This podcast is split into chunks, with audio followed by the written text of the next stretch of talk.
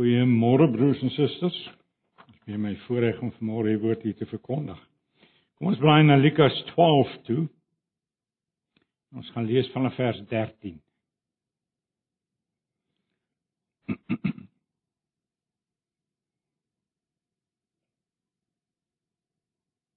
Lukas 12 vanaf vers 13.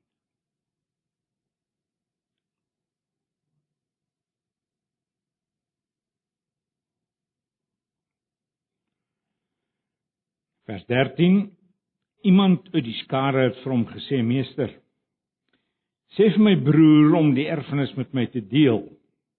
Maar hy antwoord hom: "Mens, weet my as regter of bemiddelaar oor julle aangestel?" Toe sê hy vir hulle: "Pas op en wees op julle hoede vir elke vorm van gierigheid, want 'n mens se lewe word nie bepaal deur die oorvloed van sy besittings nie." Daarna het hy vir hulle die volgende gelykenis vertel. 'n Sekere ryk man se plaas het 'n goeie oes opgelewer. Hy het homself toe afgevra, "Wat moet ek doen?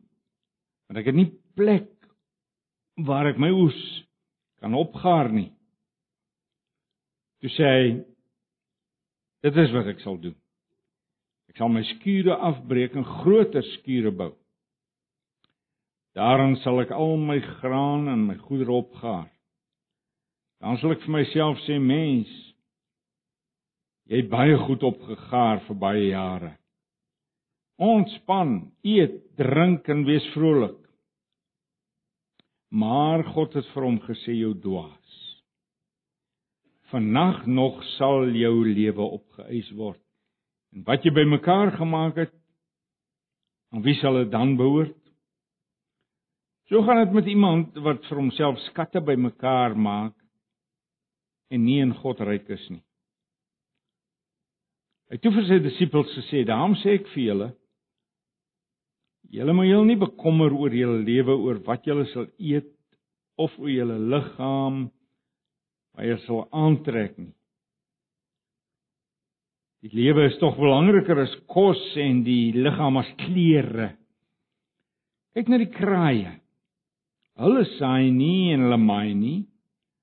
Hulle het nie 'n stoorkamer of 'n skuur nie en tog sorg God vir hulle. Hoeveel meer is julle nie werd as die voëls nie? Wie van julle kan deur om te bekommer een el by sy lewe voeg? As julle nie eers so 'n klein dingetjie kan regkry nie, waarom bekommer julle julle oor die res? Kyk na die velblomme. Hoe hulle groei, hulle swoeg nie en hulle spin nie. Maar ek sê vir julle, self Salomo is in al sy pragt nie soos een van hulle geklee nie. En as God die gras in die veld wat vandag nog daar is staan, môre in 'n ontgegooi en môre in 'n ontgegooi word so klee, hoeveel te meer vir julle klein gelowiges? Moet ook nie soek na dit wat jy moet eet of drink en daaroor besorg wees nie. Dis immers alles dinge waarna die nasies van hierdie wêreld soek. Maar julle Vader weet wat julle nodig het. Soek eerder na sy koninkryk. En hierdie dinge sal vir julle bygevoeg word. Moenie bang wees nie, klein kuddetjie. Want julle Vader het dit goed gevind om die koninkryk aan julle te gee. Verkoop julle besittings en gee almoses. Maak vir julle beursies wat nie vergaan nie. 'n Onuitputlike skat in die hemel waar 'n dief nie kan bykom en geen mot kan verniel nie. Want waar julle skat is, daar sal julle hart ook wees. Kom ons lees net so ver. Nou broers en susters, ek wil net sê ek het gelees uit die nuwe Testament en Psalms se direkte vertaling. Dit is 'n uh, amptelike vertaling die. En uh dis nou die derde Afrikaanse vertaling. Uh, julle het seker kennis geneem daarvan. Nou miskien het van julle hierdie vertaling voor julle gehad nou.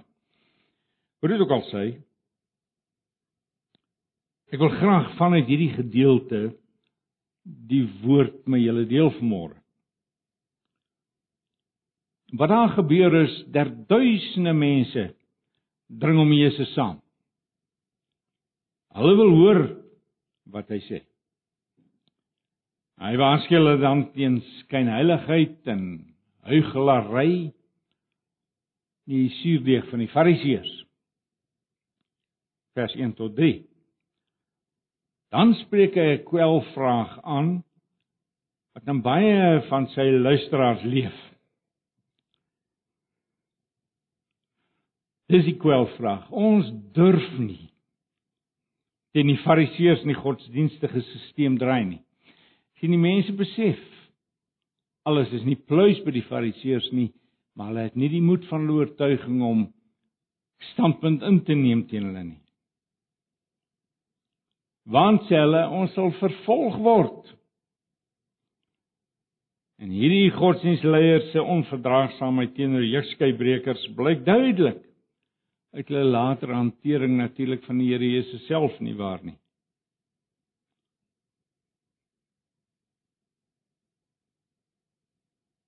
En dan begin Jesus nou vanaf vers 5 met die mense praat. Dat hulle hulle vertroue moet stel in hulle hemelse Vader se liefde sorg. En al word hulle dan nou ter wille van die seun vervolg, hy sal vir hulle sorg. En dis hoekom my voornemende disippels dan nou waarsku om hom nie te verloon nie. Vers 9 en 10. Terwyl die Here Jesus egter besig is met hierdie ernstige lering, val 'n man hom kru in die rede. In plaas van diep nadenke oor die Here se woorde, is hierdie kerel met iets heel anders besig. sy en sy broer se getwis oor erfgeld. Jesus ontken nie dat hulle ernstige probleme het nie. Want daarvoor is daar 'n regstelsel sê hy vir hulle. Maar die man het egter 'n dieper en 'n groter probleem. Dit sien Jesus naamlik hepsig, hepsig. Na aanleiding hiervan vertel Jesus dan die gelykenis wat ons gelees het.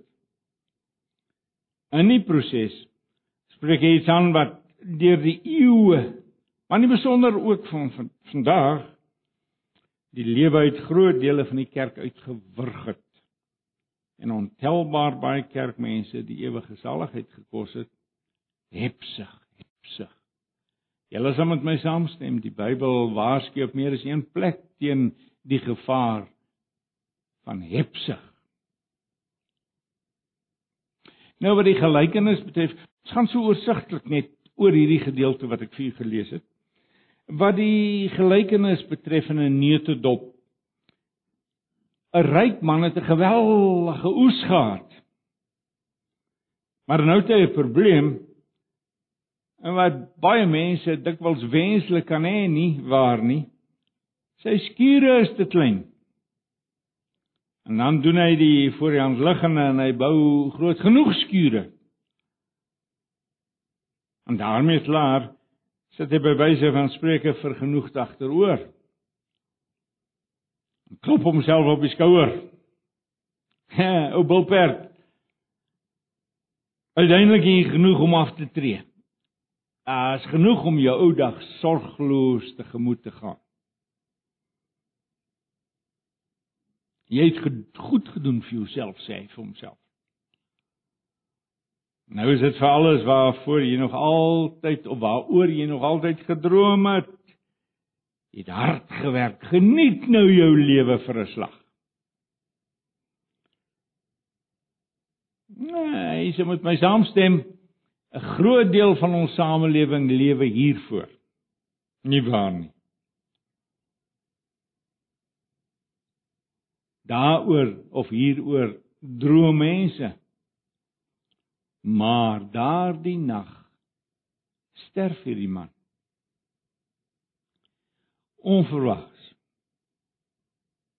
En hy kan nie 'n sent saam met hom neem nie. Nie 'n krisel nie, nie 'n rafel nie. Hy gaan die ewigheid by wyse van spreuke nakend binne. In die ergste geval is dit nog gewag. Niks kan erger wees as God se beoordeling van hom nie jou dwaas, sê hy vir hom. Jy sien, Bulperd het net een kans gehad. Maar hy het dit verspeel. Al wat nou oorbly is onuitspreeklike smarte tot in die verste ewigheid. En kom ons vra die vraag, hoekom is hierdie man 'n dwaas? Hoekom is 'n dwaas? Wat is dwaasheid? Dis die weiering om die wêreld om jou te sien en te beoordeel vir wat dit werklik is. Dis om met 'n uh, vals maatstaf te meet. Is om verkeerde prioriteite na te jaag. Om jouself wys te maak die goeie is sleg en die slegte is goed is om jouself te bluf. Dis dwaasheid. En hierdie man is 'n dwaas. Omdat hy met twee stelle beskouinge werk wat baie ver van die waarheid is en dit gaan nie oor sekondêre sake nie. Dit gaan oor sake wat tot in alle ewigheid gewig dra. Sy beskouing oor besitting slaan die bal op 'n bedenklike wyse totaal mis. En sy siening op wat ware lewe is, hou noodlottige gevolge vir hom. Nou wat besittings betref, dwaal hy op vier maniere. Eerstens maak hy homself wys dat sy aardse besittings aan hom behoort. Dat hy dus uh volle seggenskap daaroor het. Blyk daaruit dat hy praat van sy oes, sy skure, sy graan, sy goed, sy siel. Maar hy bedrieg homself. Want niks is in absolute sin syne nie, niks nie. Op wiese grond het sy gewasse gedra? Wie het die reën gestuur? Selfs weet hom wysheid en vaardigheid en krag gegee. Wat het ons? Wat ons nie ontvang het nie. Waarlik as die Here gee en as hy neem doen hy dit as soewereine eienaar. Ons is net diensknegte. Ons is net rentmeesters. Uiters bestuurders in die Here se diens en is goed en reg dat ons dit altyd sal onthou broers en susters. Tweedens Hierdie man maak homself wys dat sy besittings noodwendig vir altyd gaan hou. Nou val verby jare. Vers 19. Maar dit weet ons. Brande breek soms in uh, skure uit. Aardbewings vernietig huise. Aandele beurse tuimel in mekaar. Ek het net 2 weke gelede gehoor hoeveel het uh, iemand wat ons goed ken verloor. In daardie enkele week, jy kan dit nie glo nie. Is uiteraard 'n ryk man, hè? Maar hoe meer jy het, hoe meer verloor jy. En in die derde plek, hierdie man se dwaasheid lê daarin dat hy homself wys maak dat sy besittings daar is vir sy plesier. Om van hierdie wêreld 'n lekker plek te maak. Maar die Here gee vir ons besittings om daarmee te woeker. Hy gee vir ons besittings om in belang van ander daarmee om te gaan.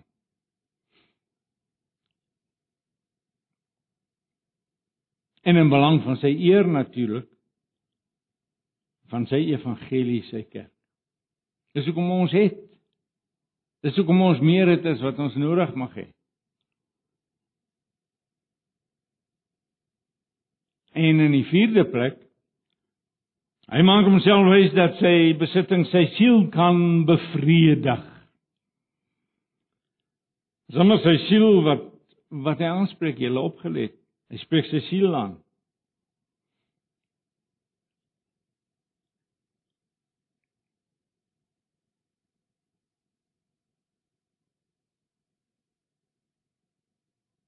Maar 'n mens se siel kan nie biefstuk eet nie. 'n Mens se siel kan nie goeie wyn waardeer nie. Die vrede van jou siel is nie afhanklik van die goue ringe en die sy japonne wat jy mag dra nie. Adrenalien opwellings het 'n siel nog nooit bevredig nie.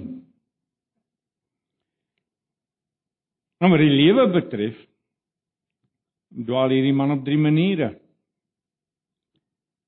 Wat die lewe hier en nou betref, dink hy net aan 'n liggaamlike bestaan. Al spreek hy sy siel aan, wil hy dit bloot beloon met lyflike bevrediging. Rus en eet en drink en plesier. Die innerlike mens en sy geestelike welstand kry geen plek in sy voorkeurlys nie. As die mens se gees wat eintlik belangrik is broers en susters. Dis die deel van ons menswees wat onvernietigbaar en blywend trouens ewig is. En voorts lewe hy asof hierdie asof hierdie lewe al is wat daar is. Hy leef soos die prediker sê onder die son. Bring homself hoe genaamd nie voor op die hiernamaals nie. Hy dink nie eens aan. Hy vee hom af van die feit dat daar 'n intieme verband bestaan tussen jou lewe hier en nou en ons lewe hierna ek sê 'n intieme verband.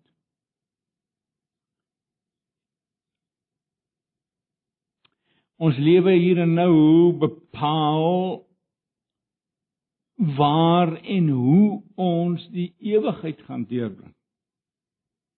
Ons lewe hier en nou. En dan in die derde plek soos maar met almal gaan wat soos hierdie man lewe, weier hy om rekening te hou met die komende dood. As hy van tyd tot tyd daarmee gekonfronteer word, skreeu vir hy vir homself dat sy heen gaan so ver in die toekoms lê dat dit so goed as nooit gaan gebeur nie. En so is dit dwaas volgens die Bybel. Hy jaag die verkeerde dinge na. Hy leef in sy eie sprokieswêreld. Hy werk net met daardie realiteite wat hom vas. Hy is altyd die weg van die minste weerstand. Is dit waar? Maar die Here wil ons hier aanbeveel om ryk te wees in God. Hy wil ons nie net aanbeveel nie, hy wil dit ons beveel, né? Lees mens die gelykenis oppervlakkig, lyk dit asof Jesus hier in 'n waarskuwing rig, maar niks positief. Ek sê in die gelykenis 'n waarskuwing rig, maar niks positief in die plek daarvan stel nie. Maar die trefreël lê in die laaste vers, vers 21. Mag ek dit net weer vir julle lees? Vers 21 So gaan dit met iemand wat vir homself skatte bymekaar maak en nie in God ryk is nie. Dis die trefreël.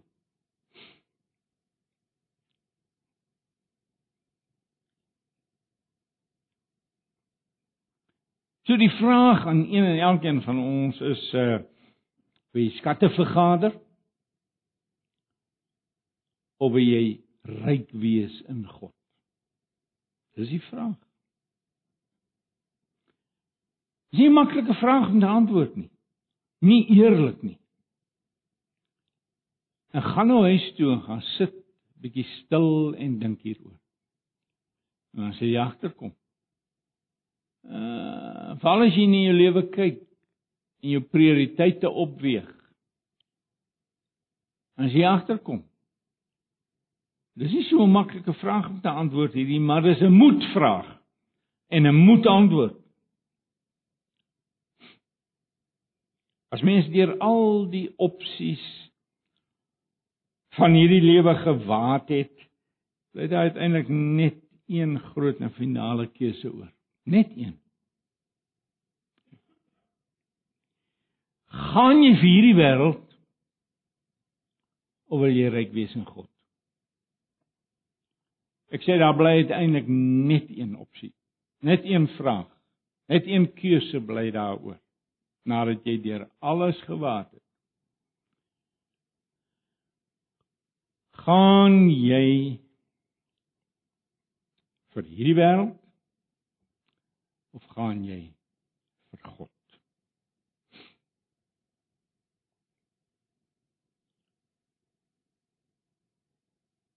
En 'n 'n kompromie is is nie moontlik nie.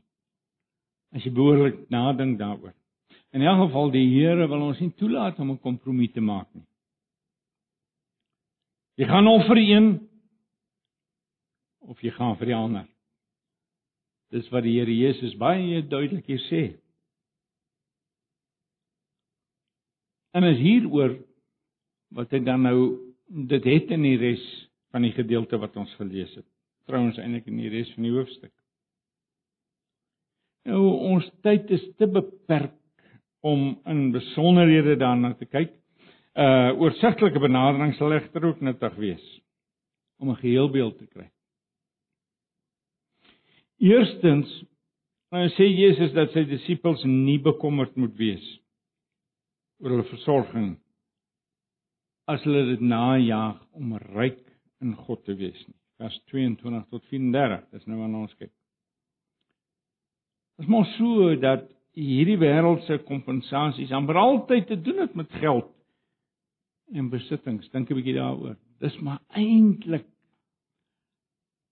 as jy al die uh, die gemors wegwerk dan is dit maar eintlik waaroor dit gaan vir mense van hierdie wêreld.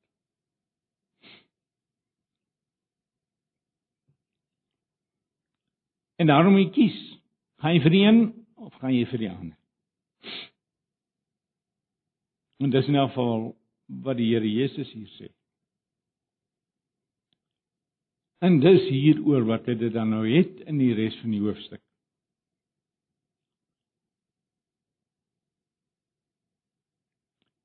Wil jy ryk wees in aardse besittings? Of wil jy ryk wees in God? Dis die vraag.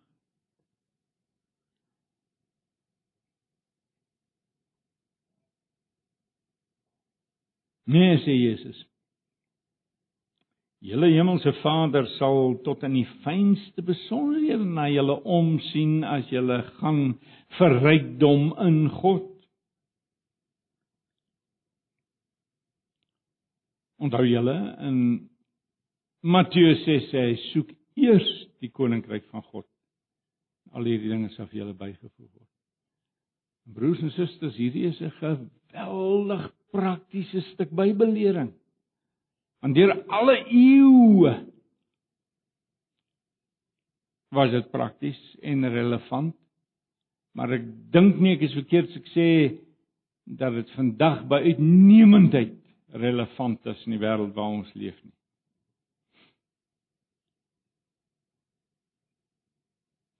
Maar die Here Jesus sê moenie vergader nie. Moenie vergader nie. Wees uitbundige uitdelers. Vers 33. Nie alleen is dit die manier om die suigkragte van hierdie wêreld te smoor nie, is ook 'n wonderlike manier om in die hemel te belê en dis ryk ryk in God te wees. Wees uitdelers. Onthou sê die Here ten slotte alles gaan oor die gerigtheid van jou hart. En dis 'n onontkombare wetmatigheid waar jou skat is, sal jou hart ook wees. Dis waaroor dit gaan. Hy sê eintlik hier vir ons, julle moet goed kennis daarvan neem dat dit uiteindelik in die finale analise is waaroor dit in jou lewe gaan. Gaan jy vir hierdie wêreldse kompensasies of gaan jy daarvoor om ryk te wees in God?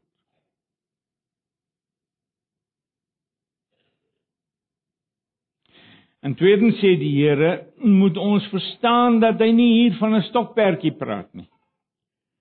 Iets waarna mens net nou en dan aandag gee, uh, as jy tyd het en lus het daarvoor. Nee nee. Hy praat van 'n ywer en 'n afwagting wat elke dag uitkoop vir sy eer en die koms van sy koninkryk. En soos 'n slaaf wat wat weet dat sy baas elke dag kan terugkom. En daarom sorg hy dat alles elke dag gereed is. En jy jy jy moet dit deur 'n ring kan trek. Want niks is vir hom belangriker as om sy baas tevrede te stel nie. En presies dit moet ook die gesindheid van 'n disipel van die Here Jesus wees. Dis wat Jesus hier leer vir ons. Anders as die ryk boer wat nou agteroor wil sit en die lewe geniet, lewe Jesus se disipels. Dis met enkelhartige toewyding in die lig van die ewigheid. En in die derde plek hou so lewenstyl en gerigtheid gewigtige implikasies in. Vers 49 tot 53. Dit bring jou in stryd met die mense en die waardes van hierdie wêreld. Dit is net so. En hierdie sondige gevalle wêreld is alles behalwe verdraagsaam teen uh, stroomoplopers. Teenoor mense wat uh, appel op hulle gewetens maak. Hulle hou niks daarvan. Jesus se disippels moet daarom weet dat die lewe meestal, meestal die teenoorgestelde vir hulle sal oplewer as wat die ryk boer met sy groot oes opgehoop het. Hulle belê immers in die hemel en nie hier op die aarde nie. En dit sal nie altyd maklik wees nie.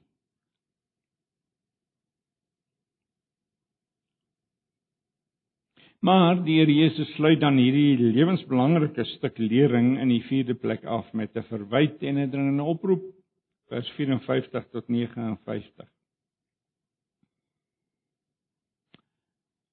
Waarom is julle waarom is julle blind vir die belangrikheid van die oomblik vra hy vir hulle? Waarom besef julle nie dis die lang verwagte Messias wat met julle praat nie?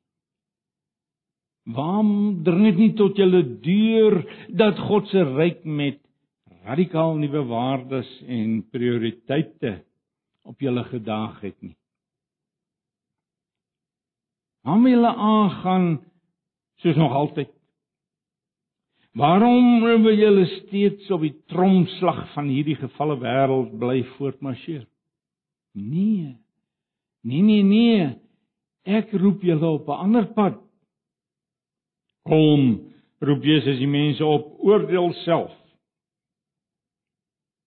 Is wat ek sê nie in pas met God se woord nie? Sy woord leer dit nog altyd. Vers 57.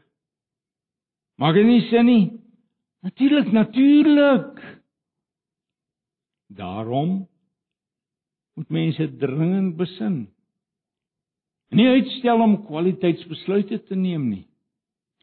Nou as dit vir daai mense geneem het ag uh, uh, vir daai mense gegeld het geld dit vir seker ook vir ons vriende. Ons moet kwaliteitsbesluite neem. Nou ek wil vertrou dat die meeste van julle reeds hierdie besluit geneem het. Dis nie 'n maklike besluit om te neem nie. Dit is 'n besluit met diep ingrypende gevolge. Maar so 'n onontkombare besluit. Ons moet hom neem. Kom. Roep Jesus die mense op, oordeel self. Dis wat ek sê nie in pas met wat God se woord nog altyd leer nie. Maar nie sin nie. Natuurlik.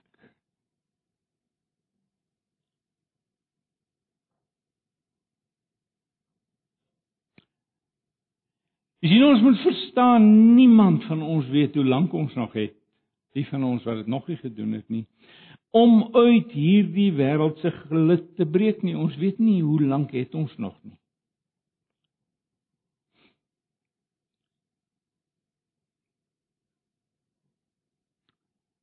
En om nie namals op te daag sonder belegging daar is te skrikwekkend vir woorde. Dis om nakend voor God te moet verskyn. Omdat al jou besittings in die graansuiers van hierdie wêreld lê en verrot. Niks sal erger wees as dit nie. En dit lyk vir my dat die Bybel ons baie duidelik leer dat so mense sal nooit uit die tronk van God se oordeel kan ontsnap nie.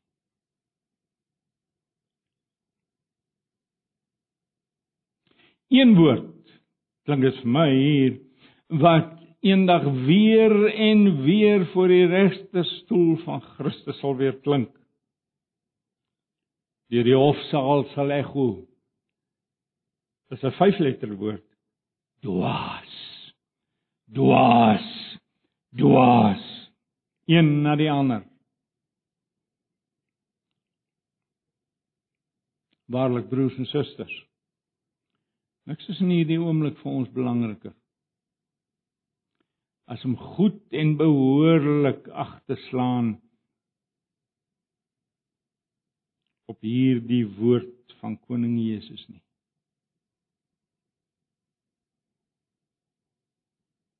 En om dan daadkragtig dan volgens op te tree. Mag die Here ons almal help om hier volgens te lewe. Amen. Kom ons bid saam. O Here ons God. Dis vir ons belangrik. Uiters belangrik, lewensbelangrik om eendag wanneer ons koning terugkom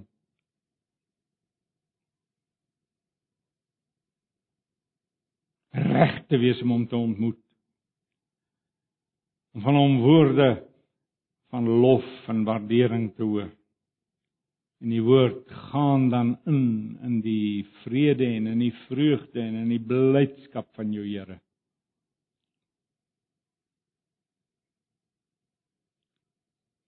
Nou is dit noodsaaklik, Here ons God, dat een en elkeen van ons maar weer onsself gaan ondersoek in die lig van hierdie woord. Help ons om eerlik te wees. Help ons om ernstig te wees. Bewaar ons tog daarvan dat ons huis toe sal gaan en dan sal vergeet wat ons môre gehoor het. Help ons om die erns van hierdie woord te verstaan. Doen dit sodat u daardeur verheerlik kan word. Ons vra dit met groot vrymoedigheid en afwagting in die naam van ons Here Jesus Christus. Ontvang die seën van die Here en gaan in vrede. Die genade van ons Here Jesus Christus. En die liefde van God ons se Vader en die gemeenskap van die Heilige Gees is met u elkeen in hierdie dag en in die week wat voorlê. Amen.